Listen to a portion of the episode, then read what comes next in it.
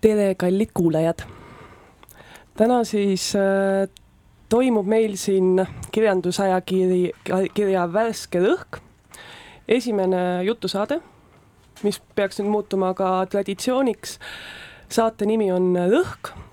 ja täna juhatan seda saadet äh, mina. minu nimi on Linda-Mari Väli, olen ka ise kunagine Värske Lõhu autor nüüd äh, tegelen muude asjadega ja olen siia kutsunud äh, kirjandusest äh, rääkima samuti Värske Lõhu autorid, kes nüüd on juba ka natukene edasi liikunud. Kristjan Haljaku ja Kelly Turgi. tere! tere! ja millest, miks ma kutsusin just Kristjani ja Kelly? Nad tulid mulle kohe esimesena pähe kuna saate teema, saate teema ka muutus natukene, kui ma alguses mõtlesin, et võiks rääkida sellest, kuidas kirjandus on kriisis, nagu kogu maailm, ja kuidas see maailmakriis väljendub kirjanduses, praeguses kirjanduses, siis kui ma natuke mõtlesin selle asja peale, siis ma sain aru, et maailm on väga kaua olnud kriisis, tuhandeid võib-olla isegi miljoneid aastaid. ja kaasaeg on lihtsalt see, et kuidas me, kuidas see kriis parajasti meile kui subjektidele väljendub. ja kui ma hakkasin siis mõtlema nagu süsteemikriitika väljendustele kirjanduses, et kas kir-, kirjanduses eksisteerib sellist asja, kas kirjandus ongi mõnes mõttes äh, kriitika süsteemile, et kirjanik astub süsteemist äh, välja äh, vaatab süsteemi kõrvalt nagu kirurg, aga mõnes mõttes ka resigneerunult või ei olegi üldse sellist asja. aga kuidas see teie jaoks on, sest kui ma mõtlen sinu peale, Kelly, nagu ma ka enne ütlesin, kui me enne saadet natuke asjadest rääkisime, et sina oled nagu ehtne süsteemikriitik kirjanduses ja sa kohe nõustusid väga elavalt. Ei, mis asja, ma ütlesin seda, et ei, me hakkasime, me hakkasime rääkima ismidest ja siis äh, ja siis ma ütlesin, et, et ma, kui see, hakata süsteemi kriitikast, eks ole, rääkima ja kui ma nüüd tahaksin iseennast kuidagi, peaksin ikkagi ennast raamistama, siis ma ei, ma ei, nagu ei näe mingisugust ismi selleks, sest et no ei saa enam öelda näiteks, kui sa näiteks sa kritiseerid kapitalismi, siis selle tõttu oled nii-öelda tänapäeva maailmas kommunist näiteks või sellised kommunistlik mm -hmm. sotsialistlike vaadetega mm. -hmm. ja ma lihtsalt leian sul et, ei ole isme? et ma, see jah, ma, ma arvan, et võib-olla kunstnik, ma arvan, et kunstnik ei saagi iseennast niimoodi võib-olla defineerida, see tuleb pigem nagu väljaspoolt ja see pigem peegeldab, et kuidas teised tahavad kunstnikku näha mm. -hmm. aga kas sa ise tunned ennast äh, süsteemikriitikuna, kas sa tunned, et see võiks olla kirjaniku või luuletaja või kunstniku roll ja et sina tahad endale seda rolli võtta või sa pigem ei tunneta sellist asja, kirjandus on sinu jaoks midagi abstraktset, eneseväljendus? Äh, me jõudsime ka selle mõtteni, et kui ma hakkasin mõtlema nagu loomingu peale ja mis mul hetkel silma on paistnud, et inimesed väga palju nii-öelda väljendavad oma sellist vastupanu läbi kehalisuse. et see on hästi selline kehalisuse, kehalisusele suunatud selline agressioon, mis kindlasti pigem nagu intersubjektiivne, eks ole, et inimene kirjeldab mingit maailma, siis ma olen selle, nagu ma tunnen loojana, et ma olen selle astme läbinud ja siis mina punktist edasi liikumine nii-öelda sellise globaalsesse välja pigem. Nii-öelda, et see, et võib, võib võtta seda antropoloogiliselt, eks ole, et sa hakkad ennast ise kui subjektina, nii-öelda selline välivaatleja, hakkad nii-öelda kirjeldama oma seda reaalsust, aga reaalsus on niikuinii, eks ole, mitmedimensiooniline ja seega saab seal, eks ole, erinevaid teadustasandeid nii-öelda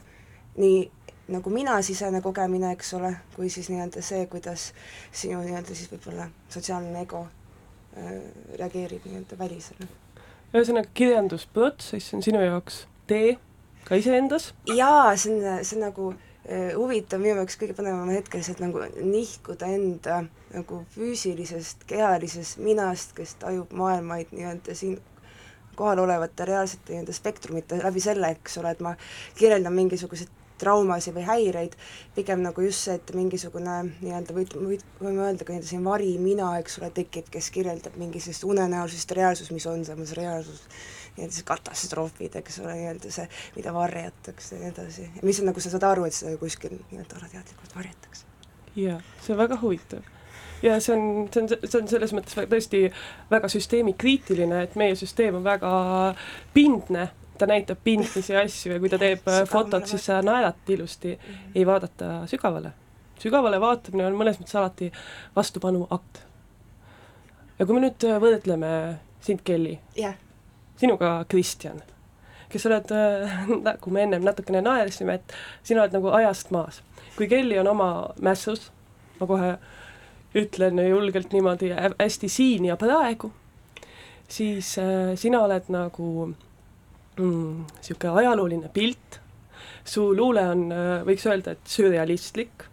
mis on äh, just, liigitub sinna natuke sinna ismide valda, mida Kelly enne mainis ja ismid kui sellist ongi natuke nagu mineviku väljendus, sest olevikus me alles otsime seda, mida hiljem ismiks öelda, aga kuidas sa ise, Kristjan, tajud enda olukorda luuletajana, mida see tähendab, kas süsteemi kriitikal on seal mingit rolli või tähendust või, või mis see on sinu jaoks? nii, aitäh. Linda, see küsimus on iseenesest muidugi väga hea ja, ja muidugi enne saate alguses esitasid sa juba päris mitu teistsugust küsimustki, millele tegelikult ma valmistusin ka vastama, küll võib-olla vastama nendele siis paari hetke Jõuad, pärast, jõuan. aga sinu praegune küsimus on siis selles, et mismoodi mina näen luuletaja, noh, enda kui luuletaja positsiooni ühiskonna sees, eks ole. Ja ühiskonna sees, mis siis justkui oleks, eks ole, kriisis, on ju mm,, ja noh, küsimus, ma saan aru, on angažeerituses mingil määral, eks ole, muidugi see teatav angažeeritus, eks ole, võib väljendada nii ühel kui teisel moel, eks ole, noh, tähendab, angažeeritusega mingisugune suhe peaks justkui igasugusel kirjandusel olemas olema, kas siis noh, mitte angažeeritud või angažeeritud, ühesõnaga ma saan aru, et mina olen vähemasti senisel loomingulisel teekonnal olnud ikkagi üsna mitte angažeeritud ja ma arvan, et mingil moel eh, kunstnikul või kirjanikul ei ole sellist kohustust olla angažeeritud. aga mingil moel muidugi sellest ei pääse, sest isegi angažeeritusest loobumine noh, teatav selline võib-olla resignatsioon või nimetame seda teatavaks askeesiks, see suhestub paratamatult selle ühiskonnaga, see mingisugustest asjadest loobumine, mingisugusest tarbimisest loobumine, noh muidugi nüüd tarbimine väga laialt, eks ole, ka teatavat sorti kultuuri tarbimisest loobumine. Ja muidugi tead noh, see, et keegi tarbib näiteks minu tekste või Kelly tekste, noh, see on juba jällegi teatav noh mm,, selline ütleme, perifeerne valik, võiks niimoodi öelda, või noh, kuidas nõnda noh, arvestades tänapäeva luule positsiooni ühiskonnas. ja mis on tarbimine, kas see on ostmine või see on see, et kelleski tekib interaktsioon, reageerimine? pigem ikkagi selline jah, interaktsioon, interaktsioon, ma ei mõtle ainult ostmist selle tarbimise all, ma tarbimist mõtlen antud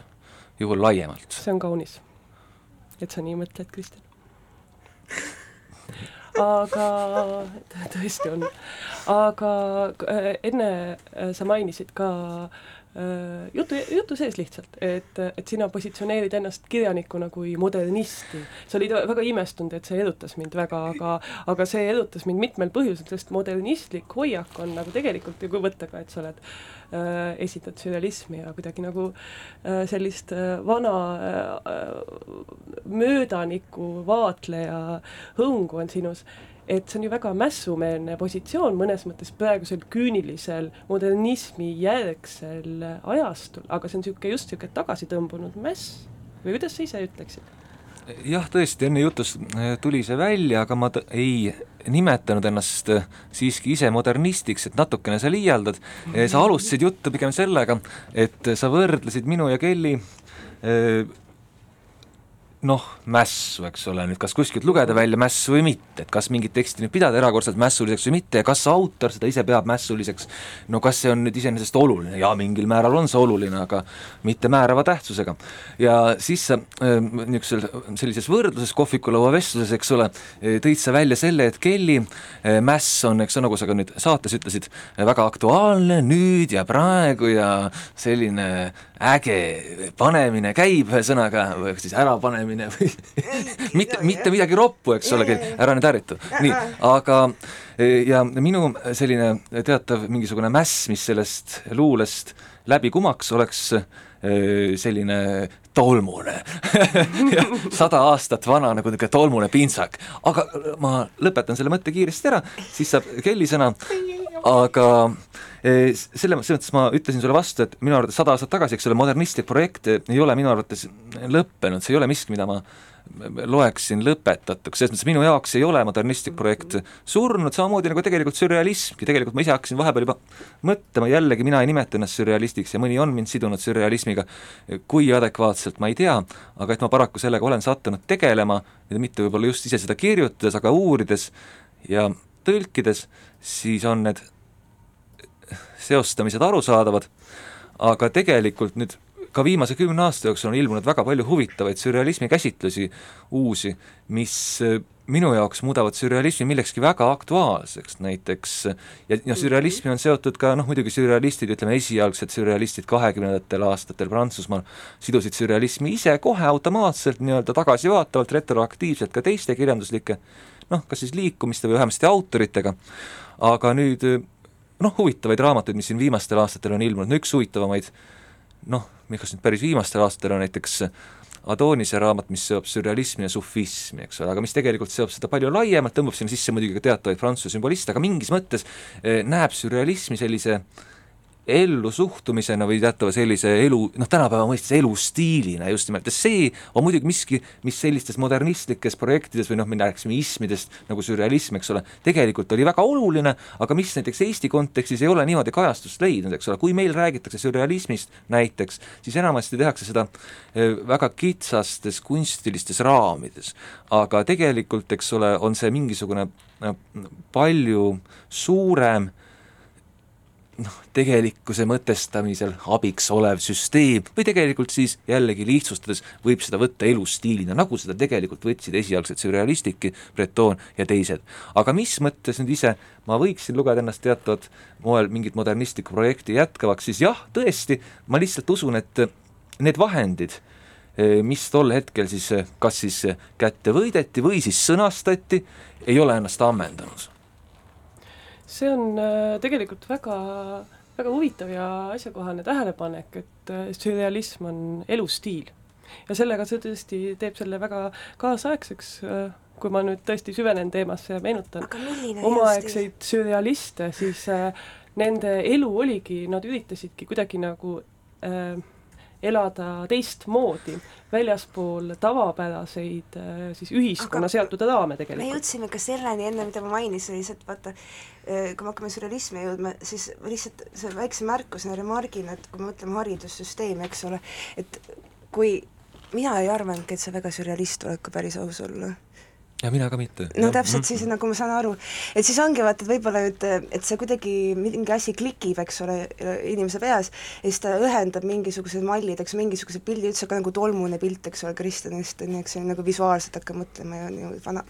fantastika valdkonda, aga võib, võib-olla ongi, eks see, mis hetkel, eks ole, on nii-öelda määra, määramatu, eks ole, mingisugune liikuv, mingisugune suund, eks ole, see on ka samamoodi elustiil, eks ole, kui me võtame sürrealismi, võib-olla lihtsalt see ongi üks suur selline äh, hämar ala, vaata mis selline võib-olla kõike ta ei ole võimalik kuidagi rühmitada sõna otseses mõttes peale selle, et ta lihtsalt millegi vastu nii-öelda vehib, siis ta on sürrealist. ei, ei, ärme nüüd niimoodi hakka ähmastama mõisteid, minu mõte oli tegelikult lihtsalt selles, me võime neid mõisteid muidugi ähmastada, noh, selliseid termineid võime kasutada üsna vabalt, aga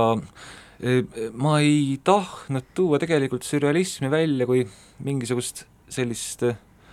noh, nähtust, millest täna peaks pikemalt rääkima, aga lihtsalt kui midagi, mis võib olla aktuaalne ja just nimelt nagu Linda hakkas rääkima, siis võib-olla kui ta meenutas mingite kuulsate noh, või noh, kuulsamate sürrealistide elusid, siis nende eluviisides oli teatav selline jah, mingisugusest üldisest voolust väljaastumine ja see toob meid tagasi sellesama teatava noh, resignatsiooni, see ei pruugi olla resignatsioon tegelikult, resignatsioon tegelikult resigneerunud inimene, noh ma see võis olla väga aktiivne hoiak. see võis ja. olla väga aktiivne hoiak Aga. ja selles, selles siis väljenduski selline teatav ühiskondlik mäss, mis sest, et tekstid iseenesest ei pruukinud olla nüüd nii otseselt mingisuguste ühiskondlike probleemidega tegelevad või mingeid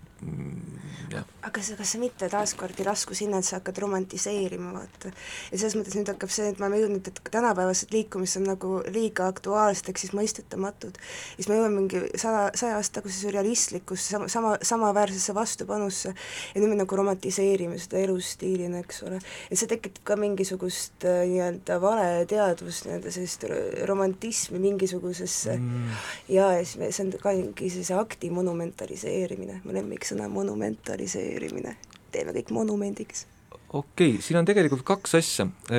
Jah, ühtepidi on, rääkides mingisugusest mineviku kunstiperioodist või mingisugusest voolust või mingisugustest autoritest, ma arvan, et selline noh, eriti kui me hakkame rääkima mingisugusest autoritest, eks ole, autoritest kui noh, ja nende eludest, noh, kui, kui autoritest kui lihast ja luust inimestest, siis noh, mingisugune romantiseerimine paratamatult juhtub, ma arvan, et see käib kirjandusega kaasas, pean tunnistama, et minu suurem huvi kirjanduse vastu tekkis kuskil seal teismeeas, noh,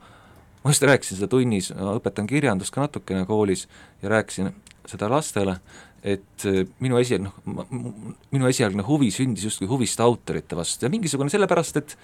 vaadake, see on natukene naljakas, eks ole, nagu hiljuti oli see äh, Bernsteini film äh, Dylan Thomasest kandis nime Dominion, ma tahtsin seda väga näha, ma ei ole kahjuks seda näinud, aga treiler juba oli väga hea. seal treileris oli selline armas lause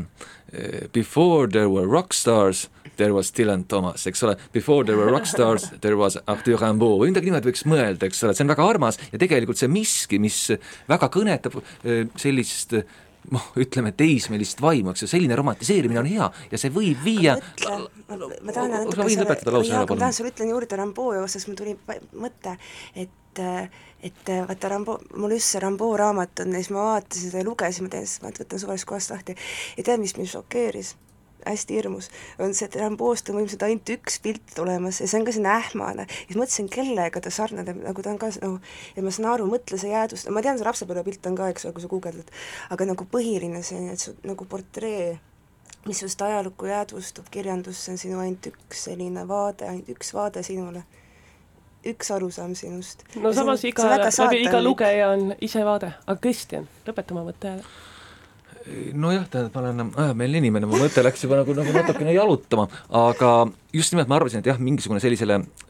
selline romantiseerimine ei pruugi olla halb, see teatavate autorite või perioodide romantiseerimine, ma arvan, et see võib olla mingis mõttes isegi teatud vanuses inimeste jaoks, ma arvan, hea, sellepärast see püüab nad mingil moel selle kirjanduse sisse, eks ole, ma kujutan ette, et mul oli, minu jaoks oli Baudelaire, ütleme kuskil teismeeas mingisugune selline noh, mingisugune müütiline legendaarne figuur, mitte et ma tema luuletusi oleks eriti palju lugenud või nendest siis noh, eriti palju aru saanud mm. -hmm. jah tead, ma arvan, et äh, võtame nüüd äh, aja maha, kuulame vahepeal äh, muusikat,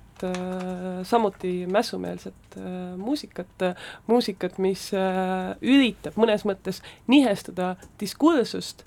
täna me laseme siin saates kaks laulu, ma valisin räpi ja hip-hopi, aga natukene nihestatud vormis. esimene ansambel on äh, Die Antwoord ja nende laul Rich Bitch, see on äh, Lõuna-Aafrika bänd, samal ajal äh, lauljad ise on valged, nad ise ütlevad enda kohta valged neegrid ja väga mässumeelsed. Rich Bitch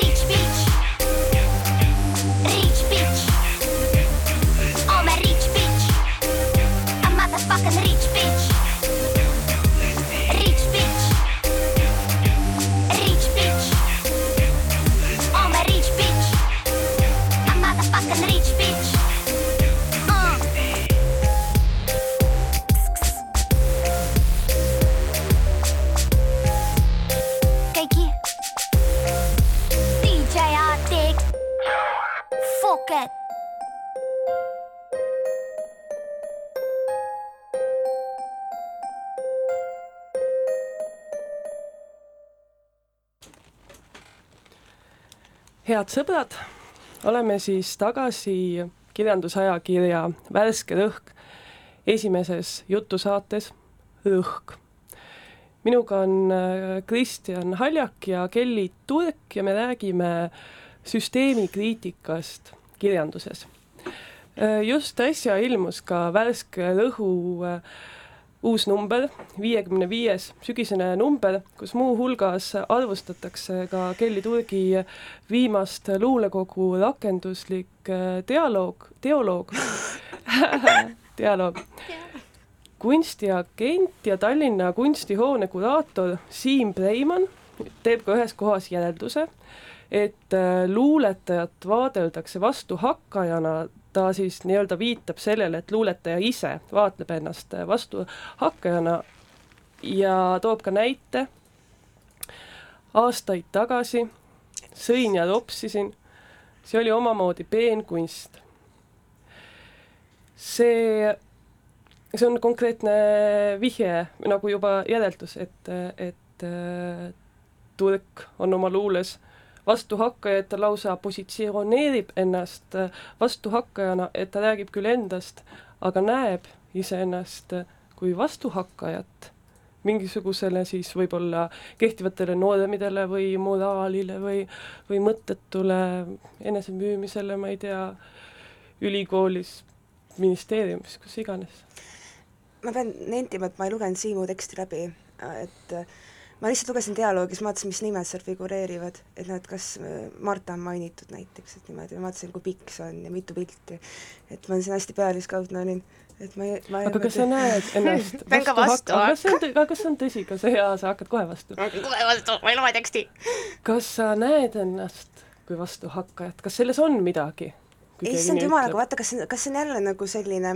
mina ei soovi, et mind, et see tekiks sama efekt nagu nii-öelda nende, et siin nagu lükatakse, et olla nii-öelda mitte märgatud, on teisipidi olla, eks ole, märgatud, on ju, et noh, et, et kui siis,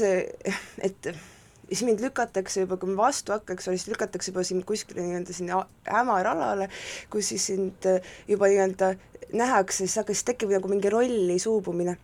tegelikult seesama teksti, see jupp, mis läheb, mida sa tsiteerisid, see on see täpselt see, vaata see kehalisus, eks ole, et see on selline, aga ma arvan, et võib-olla esmasena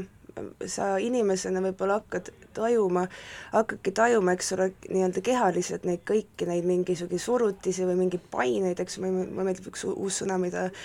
mis figureeris igal pool, paine, see, see kõlab, see kõlab hästi ja sobib igasse teksti põhimõtteliselt, paine, nii, midagi eestlastele painab mind kogu aeg midagi, mind tegelikult ei paina. aga lihtsalt meie mõte ongi see, et see paine, eks ole, on see kõigepealt see füüsiline ja edasi, aga ma arvan, et see on selline nagu madala vibratsiooni tasand. et see on selline kehalisus on minu jaoks juba siin madal vibratsioon. ma ei räägi, et sa pead hulluks, eks ole, minema, et sa muutud ainult vaimseks, et see on ka nagu loco muchacho, aga minu, minu mõte on selles, et lihtsalt, et, et ma arvan, see on nagu selline, et kõigepealt tunda kehalist painet, on see, et sa hakkad võib-olla ärkama või nii-öelda, sa hakkad nii-öelda mentaalselt midagi tajuma, eks ole, sa saad aru, et miskit, et mingid, eks ole, sümbolid ja nii edasi ja edasi, aga minu meelest kõige kõrgem tasand selle juures on see, kui sa suudad nii-öelda pigem nende sümboolikat ja nende nii-öelda võngete ja nende selle reaalsusega pigem nagu samastuda kuidagi, ja samastuda sõna otseses mõttes samastuda ja näha neid, eks ole, neid, seda, neid erinevaid layer'id, neid reaalsust, aga mitte nii-öelda hakata nii väga siis seda kuskilt, ma ei tea, mädandama või nii-öelda kuidagi otseselt kuidagi just selle kehalisusega vastu hakkama, vaid pigem nii-öelda panustada pigem muutumisse kui nii-öelda et noh, jah, et mis ongi ju tegelikult kirjanduse mõte, eks ole, osutada millelegi, et hakata osutada, osutama ja ka mitte enam siis sellele kehale, mis on see tulem juba, eks ole, selle selle ängistuse paine tulem, vaid juba sellele, kust see tuleb, et sa hakkad pigem selle voolu ja selle kirjandusega näitama seda kas sa, kas sa arvad, et füüsilisele äh, vaevusele eelneb mingisugune vaimne paine? Цей боги. Nüüd me hakkame, hakkame ja et see ongi läbivalt nii ähm,? ma arvan, et see, see on väga religioosne. Ähm, jaa, loomulikult ikka, ikka tagasi katedraalidesse. kõigepealt vaim ja siis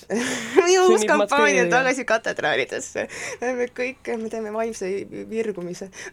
aga mm, jaa, ma arvan, et see hakkab lihtsalt see, et kõigepealt, et kuidas su, su keha ju, eks ole, su aju ja nii-öelda, kui me hakkame kemikaalselt ja bioloogiliselt mõtlema, eks ole, sa ju tajud, eks ole, midagi, sa tajud iseennast, sa vaatad oma pe-, no fenomeno-, fenomenoloogias, varsti ma ütlen semiootika juba, et, et sa vaatad ennast, eks ole, peeglisse, saad oma minast, eks ole, tead, tead, tead, no tead, noh, sa, sa teadvustad enda peegelpilti. ja siis sa, see kõik silmakesed, mis sul peas on, eks ole, sellega sa näed nagu ümbrust ja tekib, eks ole, mingisugune konfliktne lühis kusagil. ja siis ma arvan, läbi selle, eks ole, et su mingisugune sa vaimselt tegelikult saad aru sellest lühisest, aga sa pead seda väljendama kuidagi esimese reaktsioonina füüsiliselt. aga see, ma arvan, nimetan seda ebamugavuseks lihtsalt, aga see algab ikkagi peast ju, peast ju mm, -hmm. see on väga uppelik jälle mm. -hmm. see, see kui sa sellest räägid, siis mulle meenub, kuidas üks, üks mu lemmikrežissöör äh, Hanek äh, kunagi, kui talt üks äh, kriitik, Austria režissöör, küsis ühe ta filmi kohta, see oli Benny video, see viitas natsismile ja see oli väga ebamugav vaadata kõigil kelle, publikul, kellele see suunatud oli, et miks peab su filme vaadates alati nii halb äh, olla olema, miks sa ei tee nii, et me saaks põgeneda reaalsusest mm. kinosaali ja lihtsalt tunda ennast natukene mugavalt nii-öelda välja lülitada, siis äh, Haneke oli väga imestunud ja ütles, et ta ei taha välja lülitada, ta tahab äh, sisse lülitada. Mm., ta tahabki tekitada ebamugavust sellest ebamugavusest sünnib midagi uut, ehk selles inimeses, nagu ka sina ütlesid, et kui on see vaevus, siis inimene hakkab otsima mm, -hmm. kust see vaevus tuleb, seal on mingi põhjus, see osutab, Haneke mm -hmm. osutab millelegi, mhm. mille siis inimene peaks äh, üles leidma. aga Kristjan, kui me nüüd räägime osutamisest, kuidas sa äh, kuidas sa näed, kas kirjandus on nagu, nagu sõõm, mis osutab kuule ja soovib, et inimesed pööraks ka oma pilgu kuu poole? jaa, tähendab, kui ma nüüd mõtlen sellele, siis ma tähendab praegu just hakkasin sellele mõtlema, sellepärast et ma ei ole vaadanud kirjandust kui kui osutajat, vähemasti ma ei ole seda terminit kasutanud või seda sõna. nii et äh, mul mingil moel tekitas see esialgu nagu kerget võõristust, muidugi kui ma hakkasin mõtlema sellele, siis jah, millelegi ta osutab, mul meenub sellega see, kui ma hiljuti lugesin üle ühte vana lemmikut oma no tõesti, tõesti vana lemmikut William Seward Burroughs, lugesin tema Junkit üle, enne kui ma Junkit lugema hakkasin, lugesin ka eessõna, eh, mil, kus samuti üks minu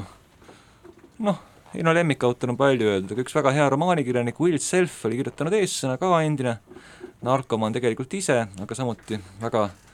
oluline. Kultuurikriitik ja mõtleja. Ja ta mõtles sellele, et noh, et ühtepidi muidugi näiteks Junkie, et ta ei ole raamat lihtsalt narkomaaniast, vaid ta on raamat mingisugusest üleüldisest võõrandumisest. Ja samuti nagu noh, tõi välja sealt selline, noh, ta liigitas ta sinna noh, paigutas teiste eksistentsialistlike romaanide juurde mõneti, noh näiteks Sartre iivelduse juurde, Camus võõra, võõra juurde. Ja mingil moel ta ütles seda, et kirjanduse üks ülesandeid võibki olla see just nimelt ja nüüd ma mõtlen sellele, et see ongi see osutus, millest te võib-olla rääkisite. Mm, -hmm. on, on näidata inimesele kätte Äh, seda, milline tema olukord on, milline on tema see võõrandumuse aste. Ja see juba ongi see viis, mil moel kirjandus võiks siis seda ühiskonda mõjutada või seda lugejat aga see tähendab ikkagi, et siis on mingisugune ideaal, siis noh, see midagi, millega, et mingisugune ideaal on, millega sa võrdled, eks ole, kui sa hakkad osutama. ja siis siin jõuabki muidugi tagasi sinna ideoloogia valdkonda, mis tähendabki, et ükskõik, millele me tagasi osutame või ükskõik, mida me niimoodi, mille, mille juurde me tahame jõuda, see on ikkagi ju ideoloogia, ühesõnaga jälle sa suudad nii-öelda inimese niimoodi õrna käega tagasi mingisuguse mõttemudelini, eks ole, ja me võime küsida, et äkki see on ka kivistunud mõttemudel, äkki see on ka vale, see, millele sa osutad ja siin mul läks korra, mm, tekkis kerge segadus, oodake üks moment, tähendab, asi on selles, et, et see osut-, no ma ei arva, et see osutus, millest mina hetk tagasi rääkisin, oleks olnud osutus mingile ideaalile, noh, tähendab, see pigem oli osutus üksikisiku äh, noh, sellisele levinud üksikisiku tunnetusviisile või tunnetusmudelile, mingile tunnetusmudelile, mis teatud ühiskonnas on levinud ja mis toodi siis sellise ühe väikse, võib-olla radikaalse näite kaudu kirjanduslikult esile, no ma räägin siin praegu just nimelt romaani vormist, eks ole, võib-olla luules natukene võib-olla teistmoodi, aga no tähendab, see ei ole võib-olla praegu oluline, räägime kirjandusest kui sellisest. issand, mul tuleb sellega meelde üks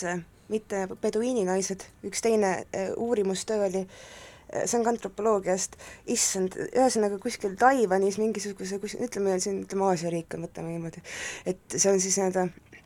nii-öelda see lääne kapitalism on, eks, sinna saare peale saanud ja siis nad nii-öelda, see oli naiste ong, peaks olema selle antropoloogi nimi, siis tegi uurimuse seal, see vabrikutöölised, eks ole, need naised, need, nad nii-öelda teesklevad või kas just teesklevad või kuidas iganes neil väidetavalt on see, sellised kurjast vaimust vaevatud sellised seestumised, eks ole ja siis äh, siis oligi noh, et üks võimalus on see, et nad üritavad, eks ole, oma tööpäevi lühendada, boikoteerivad, eks ole, see on vastupanu jälle ja nii edasi, ja teisalt, eks ole, mis võib teine liit olla, on see, et kui ma hakkan nüüd mõtlema äh, veel sügavuti, läheme veel sügavamale, siis äh, kui me mõtleme siis Aasia sellise animismi peale, eks ole, animism ja nüüd tuleb siis, eks ole, see lääne selline monoteistlik, eks ole, represseerija ja siis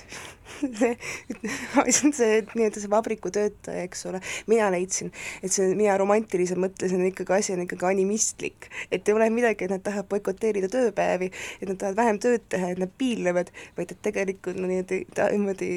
tõmbuvad või tahavad tagasi jõuda sellise looduslikku, looduslikku keskkonda, siis hakkan mõtlema, kogu nende ümbrus, eks ole, kultiveeritakse ka ümber tehakse klaasmajakesed sinna, olümpikasiino ja edasi. Kelly, jah, sa enne mainisid tõesti, et, et sa täna tutvusid äh, mingisuguse peduiini, see oli ah, sa kuulud rühmitusse lausa. vooluga kuulud lausa rühmitusse, et siis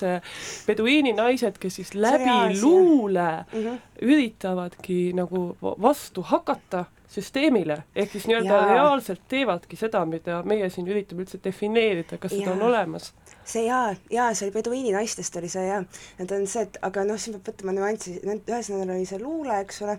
ja on luule,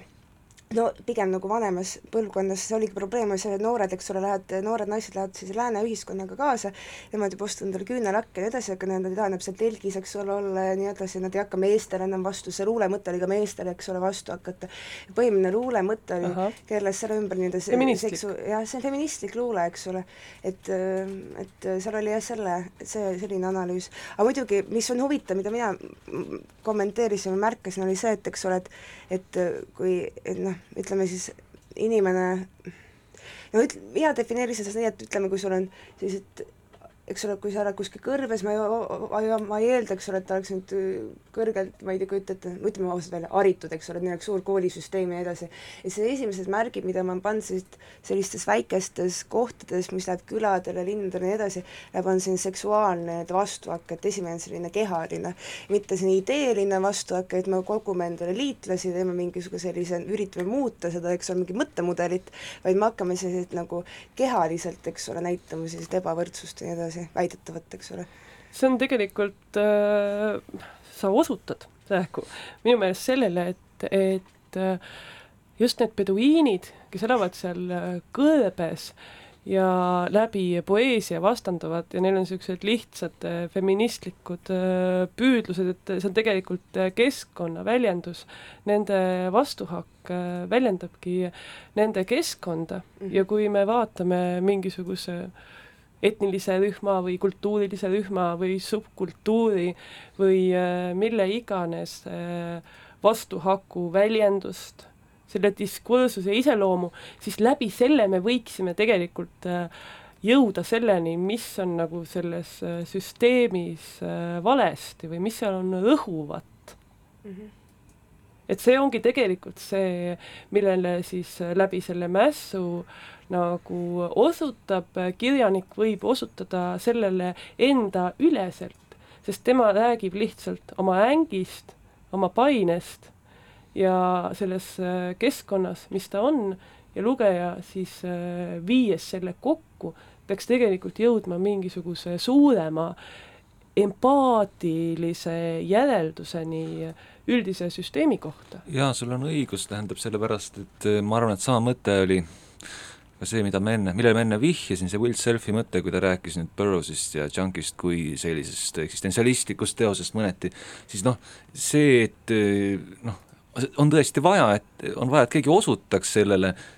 et inimene saaks aru, mis seda päriselt rõhub, eks ole, et noh, ja kui enne võib-olla kõlas vähemasti siin äh, saate kirjelduses, sa rääkisid mulle noh, mingisugustest ideoloogiatest niimoodi või noh, valitsevatest ideoloogiatest, valitsevast ideoloogiast, siis samuti noh, igasugu selleks, et mingisugune ideoloogia kriitika või ideoloogia kriitiline mõtlemine või tegevus saaks sündida, on muidugi oluline. Ja seda ideoloogiat näha, see peab saama nähtavaks, eks ole, kui muidugi, kui ideoloogia on inimese üle täielikult võimust võtnud, siis sellisel momendil ta ei noh, saagi seda näha sa ei ole, sa ei saa seda näha, sest et ta on selle ideoloogia sees, et selles võimalus sellest natukene noh, päris välja astuda ühtepidi ei saa, eks ole, kui me nüüd, aga ma ei ta-, me ei taha, ma ei taha siin mingisugust filosoofiasaadet hakata tegema, eks ole, meil ei ole sellist eesmärki vist, Kellil on, Kelly võib, võib jätkata. filosoofia ja kirjandus on ühe mündi kaks. on ühe mündi kaks külge, jah, okei okay., aga jah, tähendab, et see ideoloogia, noh selle nägemine tähendab, see on igasuguse ideoloogia kriitika alus, selle, et noh, et me, suur osa meie tegevusest või noh, olemisest on kuidagi ideoloogiliselt määratletud ja mõneti on ka ideoloogia, eks ole, valitsev ideoloogia tegelikult alati hõlmab endas ka mingisuguseid mässuvorme, mis on justkui tegelikult selle ideoloogia poolt ette kirjutatud, mis mm -hmm. ei olegi nagu päriselt see mäss mm, -hmm. aga mis tasandab ära selle noh, natukene tasalülitab seda päris mässu või siis justkui seda mässu energiat aitab kanaliseerida sinna, kus see päriselt ohtlikuks ei osutu. jaa, et see süsteem saaks jätkuda. aga noh, kas nüüd seda siduda praegu meie kirjandusjutuga, noh, nähtavasti Linda no see haakub selle küsimusega, mis me enne üksteiselt küsisime, mida on küsitud äh, erineval moel ka varem, üks siis äh, väljendus, me ennem küsisime, et kas äh, Mao Zedongi kirjutatud luule on luule. kindlasti.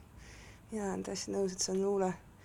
seal puudub mõnes mõttes sa- kus sa tead, et igasugune kriitika, sest et see ise, see süsteem, mis valitseb, edastabki seda infot. jaa, aga ta võib võttagi ennast, vaata võib-olla äh, Mao võttis ka ennast nii-öelda sellise jumala teadvuse kanaldajana, et, et kui ta ütles ennast loojana, siis kindlasti me peame vaatama tema isiklikku sellist perspektiivi ka et äh, ei saa nagu pisendada, et võib-olla see oli ka üks see ajastu mentaliteet, võib-olla see oli ka kõiksuse koodeks, et see pidigi nii minema. mina jõuan sellisesse sfääri hetkel. jaa, tähendab, enne kui me rääkisime natukene modernismist kohvikus, siis sa ütlesid mulle, et modernism seostub sinuga teatavalt noh, vastandudes postmodernismile seostub modernism mingisuguste väärtustega või noh, mina ütlesin et usuga mingite väärtuste võimalikkusesse, mida justkui postmodernismis juba eitataks, aga nüüd ma ei tea, kui see, see nõuab mingisugust sellist põhimõttekindlat lähenemist luulele, mida võib-olla minul alati ei ole, ma ei tea, kas see nõuaks justkui seda, et, et luulet peaks kirjutama, et see autor peaks olema justkui hea inimene, ma, see ei ole küsimus tegelikult, millele ma oleks, või noh, ta võib olla, kas, no mitte hea inimene või jõle inimene või millest see oleneb, eks ole, kes on hea ja kes on jõle, aga mina ei ole Mao Zedongi luuletusi lugenud, aga ja jään ka siinkohal vastuse võlgu, et võib-olla ma hindaksin neid mingisuguste muude vormiliste kriteeriumide järgi, aga põhimõtteliselt kui noh, neid luuletuste pähe esitatakse ja me oleme nõus neid luuletustena vaatama, siis olgu nad siis luule. Ma arvan, et võib-olla see põhjus, miks selline äh, küsimus esitatakse kuidagi intuitiivselt äh, kirjandus- ja filosoofiakonna poolt, kui sellest teemast hakatakse rääkima, ongi selles, et äh, see kirjandus ja filosoofia justkui kuuluks meie ilma rõhututele ja kui äh, kirjandust ja filosoofiat hakkab kuulutama keegi, kes on võimul, nagu näiteks Mao Zedong mm, -hmm. on võimul äh, täielikult ja totaalselt ja tal ei olegi vaja olla kriitiline, sest kuna temal on juba võim, siis ta saabki põhimõtteliselt teostada oma tahet kõigi vahenditega, mis tal on. ja, ja siis võib-olla sellest tuleb see kirjandus- ja filosoofiakonna eemaletõmbumine, aga kas see, kas see on nii, kas kirjandus peaks kuuluma rõhututele. siin mulle tundub, mulle jah, see on asi natukene, eks ole, tahaks hakata kohe nalja heitma, andeks Kelly. aga kohe lase, ma kohe lasen sulle suu lahti. meelde, mina tahtsin ütleme see tahe võimule, ma olin hästi, ma, ma sõidan sulle, vabandust, sisse nüüd siit, aga ma tahan seda öelda, et ma aimasin seda ette. jaa, sa aimasid, ühesõnaga, ma olin, mul tekkis vestlus nii-öelda, nii-öelda see on antropoloogiline, eks ole, need represseeritud seal, eks ole, kes, kes piinlevad, ja siis, eks ole, üks naine ühest naisest oli, Egiptuses oli tehtud siis vaatlus sel ajal, kui nii-öelda ülestõus oli, ja siis see naine, eks ole, oli nende kogukonnas, kirjeldati teda kui väga sellist no, no sellist tegusat, eks ole, ja nii edasi, edasi. aga tema vaade oli natuke kummastav, oli see, et, et tema noh, et ta oleks sobinud nagu poliitikasse, kogukonna elu nagu nii-öelda kuidagi parandama, aga ta nagu põhimõtte pärast ei läinud sinna, sest ütles, et poliitikud on kõik enam-vähem noh, tropid, eks ole, ebaausad ja edasi. ja siis minust tekkis kohe selline Nietzsche'lik okei okay.. ja siis just tekkis selline itšelik, see nagu mis mõttes, et tal ei olegi võimutahet, et tahe võimule ikka peab olema. aga siis ma arendasin seda mõtted edasi, et nagu ma hakkasin, ma jõudsin nagu filosoofiasse, Descartes'i, et siis nagu, et eks ole, tahe, võim on nagu ego tahe, eks ole, ja siis mis see teine on, siis, siis ma jõudsin mõttesini jõud. ja siis see naine oleks võib-olla pidanud mõtlema, et tahe jõule nagu, et jõud, selline sisemine selline empowering nii-öelda, nagu see tugevus nii-öelda, jah, women empowering mis sa? Kristjan sellest, mis sa nüüd arvad sellest? sa rääkisid väga kiiresti ja väga palju, aga ma räppar olin eelmises elus. ma saan aru, jah, sa olid räppar eelmises elus. aga ei, ma, mis, mis ma tahtsin öelda tegelikult oli, oli lihtsalt see, et et ma noh, oleks tahtmine kohe nalja heita, et noh, et ei peaks siiski kirjandust võib-olla vaatama kui sellise noh, noh, kristliku või nagu varakristliku sellise nähtusena, mis peab kuuluma vaestele ja rõhututele. et noh, see on nagu mingisugune selline eh, noh, eh, ma sellist niisugust, ma saan aru küll, ma olen nõus igasuguse sellise võitluslikkusega mingil määral, aga siiski ütleme, et minust lööb välja küll selline, nimetame siis seda eh, postmodernistlikuks küünilisuseks, aga kui keegi hakkab nagu noh, rääkima mingisugusest sellisest eh, proletariaadi mässust, siis alati on, eks ole, tuleks ju selline niisugune, niisugune noh, kerge muie peab olema samal ajal suunurgas, eks ole, kui seda kirjandust teha, kui seda teevad need vaesed ja rõhutud, nüüd kui rõhujad seda mhm. teevad, no mis oli algne küsimus no ma arvan ikkagi, et lõppkokkuvõttes teksti kvaliteet ei tohiks olla täiel määral sõltuv selle teksti autori kvaliteedist, kui inimeste puhul võib rääkida kvaliteedist. ma arvan, et võib. Te mõlemad justkui juhataksite sisse järgmist laulu, mis ühtaegu räägib selle ilma vaestest ja lõhututest kliimapagulastest, keda Euroopa piirivalve politsei laseb laevadega põhja kellele ehitatakse piire, et nad ei tuleks sealt üle ja samal ajal tegemist on naisega, see on naisterahva hip-hop, mis paraku kaasaegses kultuuris äh, tihti on parem kui, kui äh, meeste tehtav asi ja see on just nimelt äh, women empowering, nagu Kelly ütles äh,, Miia Borders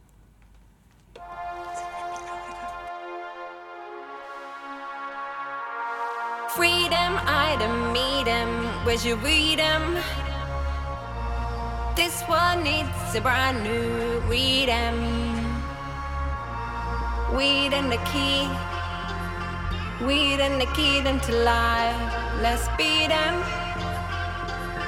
We them smartphones, don't beat them.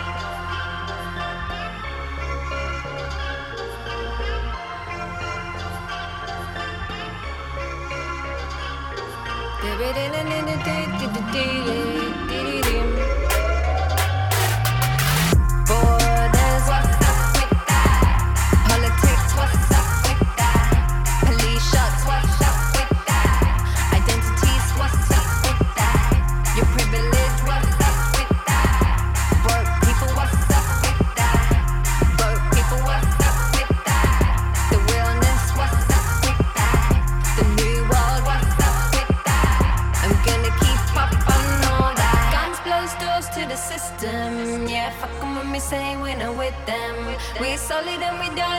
kick them. This is no south, east, and western. Yeah, guns blows doors to the system. Yeah, fuck fuck 'em when we say we're not with them. We're solid and we don't need to kick them. This is no south, east, and western.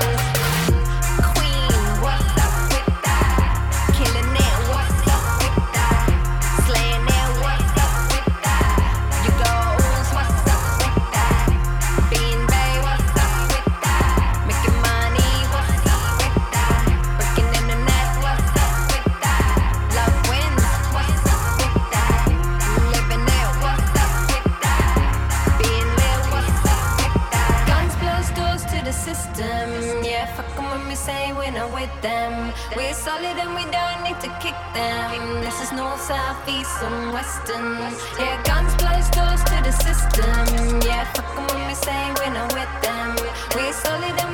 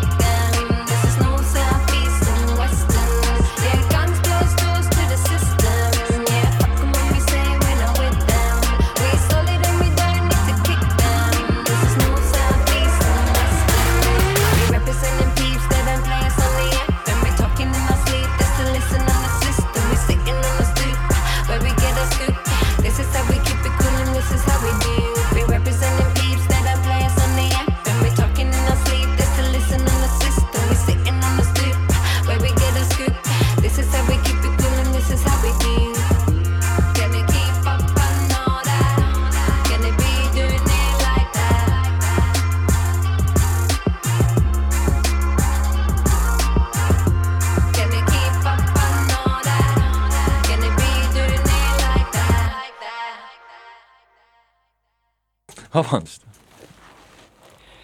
head kuulajad, oleme tagasi värske Rõhu kirjandussaates Rõhk.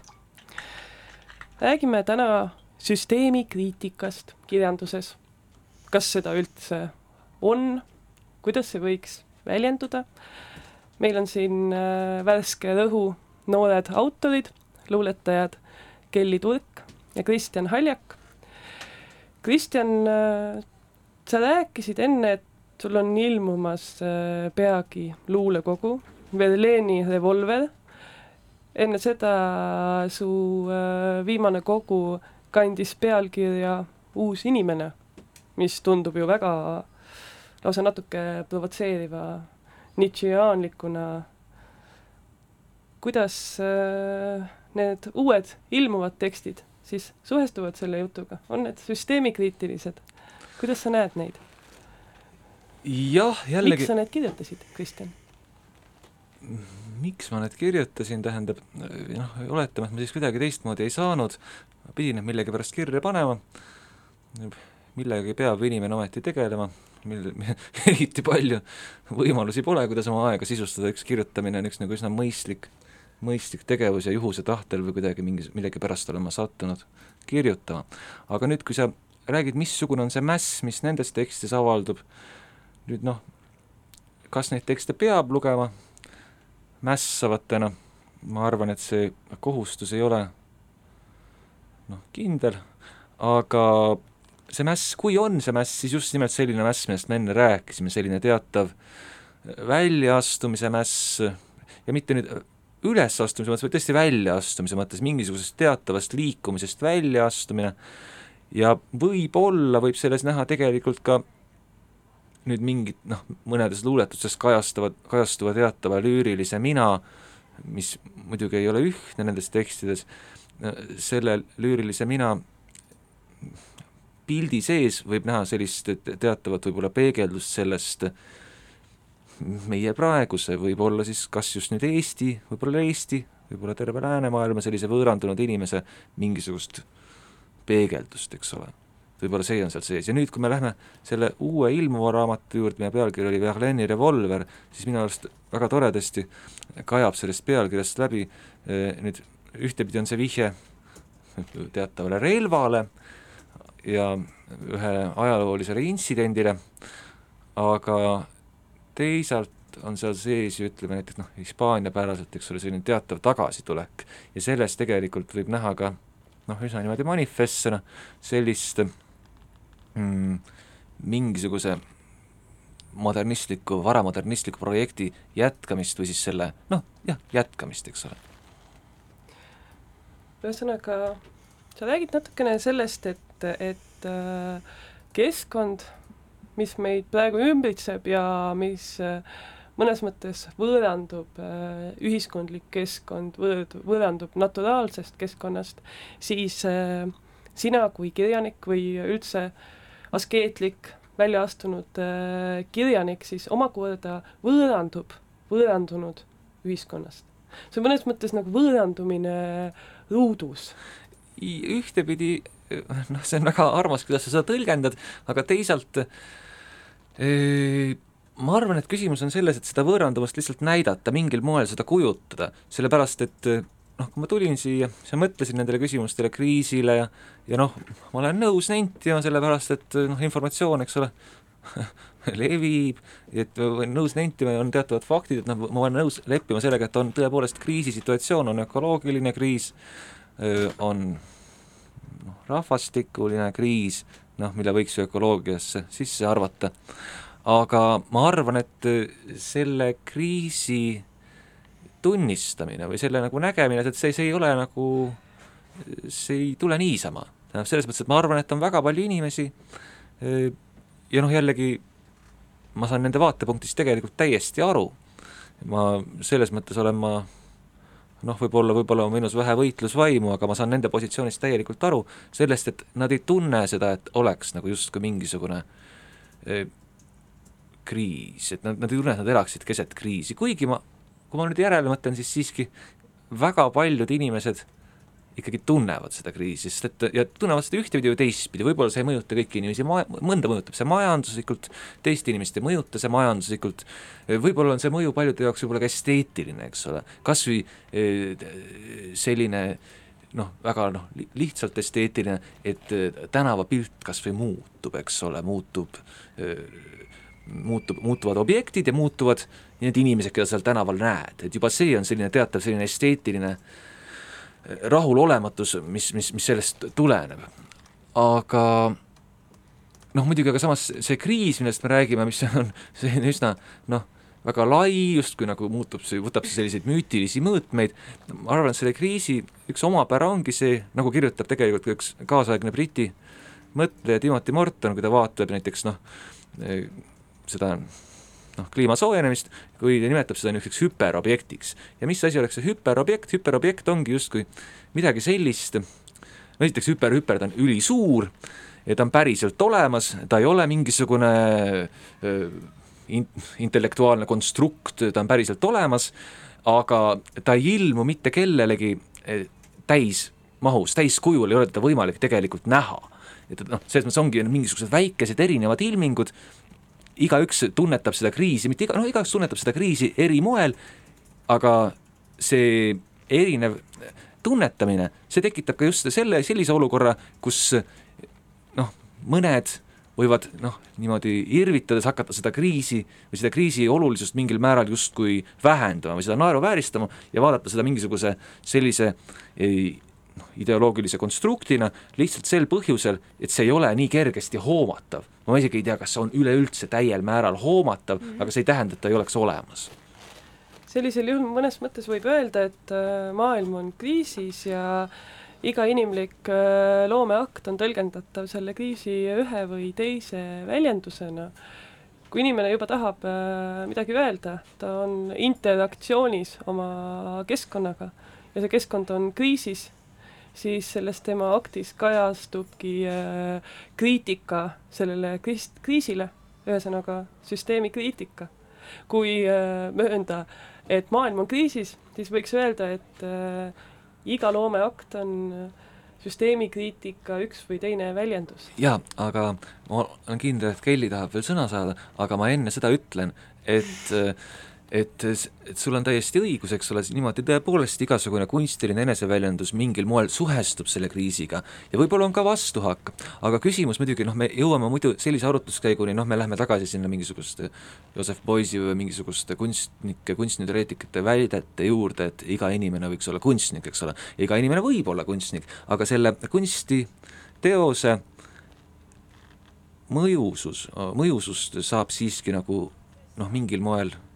hinnatakse, mõjusus varieerub, eks ole, selles mõttes, et iga, iga loomeakt võib suhestuda selle, selle kriisiga, aga see ei tähenda, et see noh, see suhestumise määr võib radikaalselt erineda. mida sa ütleksid selle peale, Kelly, kuidas, kuidas ja kas sina suhestud äh, kriisiga? mina hakkasin tegelikult hoopis selle peale mõtlema, kui igaüks võib, eks ole, kunstnik olla, siis ma mõtlesin selle peale, et need osadel vaata ei tule nagu kunst hästi välja. No kas või noh, maalivad edasi, siis ma jõudsin ka mõtteni, et vaata, et võib-olla need emotsioonid, looming, eks ole, sünnib nagu emotsioonidest ja nii edasi, eks ole, ja siis ma hakkasin, arendasin veel mõtted edasi ja siis ma mõtlesin, äkki siis nendega nii-öelda see kõiksus võib-olla ei vesta ja nii edasi, aga mis ma kriisist arvan? ma mõtlen loomadest enamik ajast niikuinii, ainuke nagu mind eriti aga inimene, kas inimene on loom? inimene jaa, loomulikult, selles mõttes, et äh, vaata, kõik äh, hobused ka ei meeldi, eks ole, ja kõik koerad ei meeldi ja, ja kõik kassid ei ole toredad, et jah. jah. see oli mu lõpumõte. võib-olla, võib-olla viskakski kõik kassid ei ole toredad viskakski äh, seda saadet äh, lõpetades õhku küsimuse, et äh, kus lõpeb loom ja algab inimene. ma olen äh, väga tänulik et äh, luuletajad Kristjan Haljak ja Kelly Turk tulid täna saatesse Lõhk rääkima süsteemi kriitikast kirjanduses. varsti tuleb juba uus saade, kuulmiseni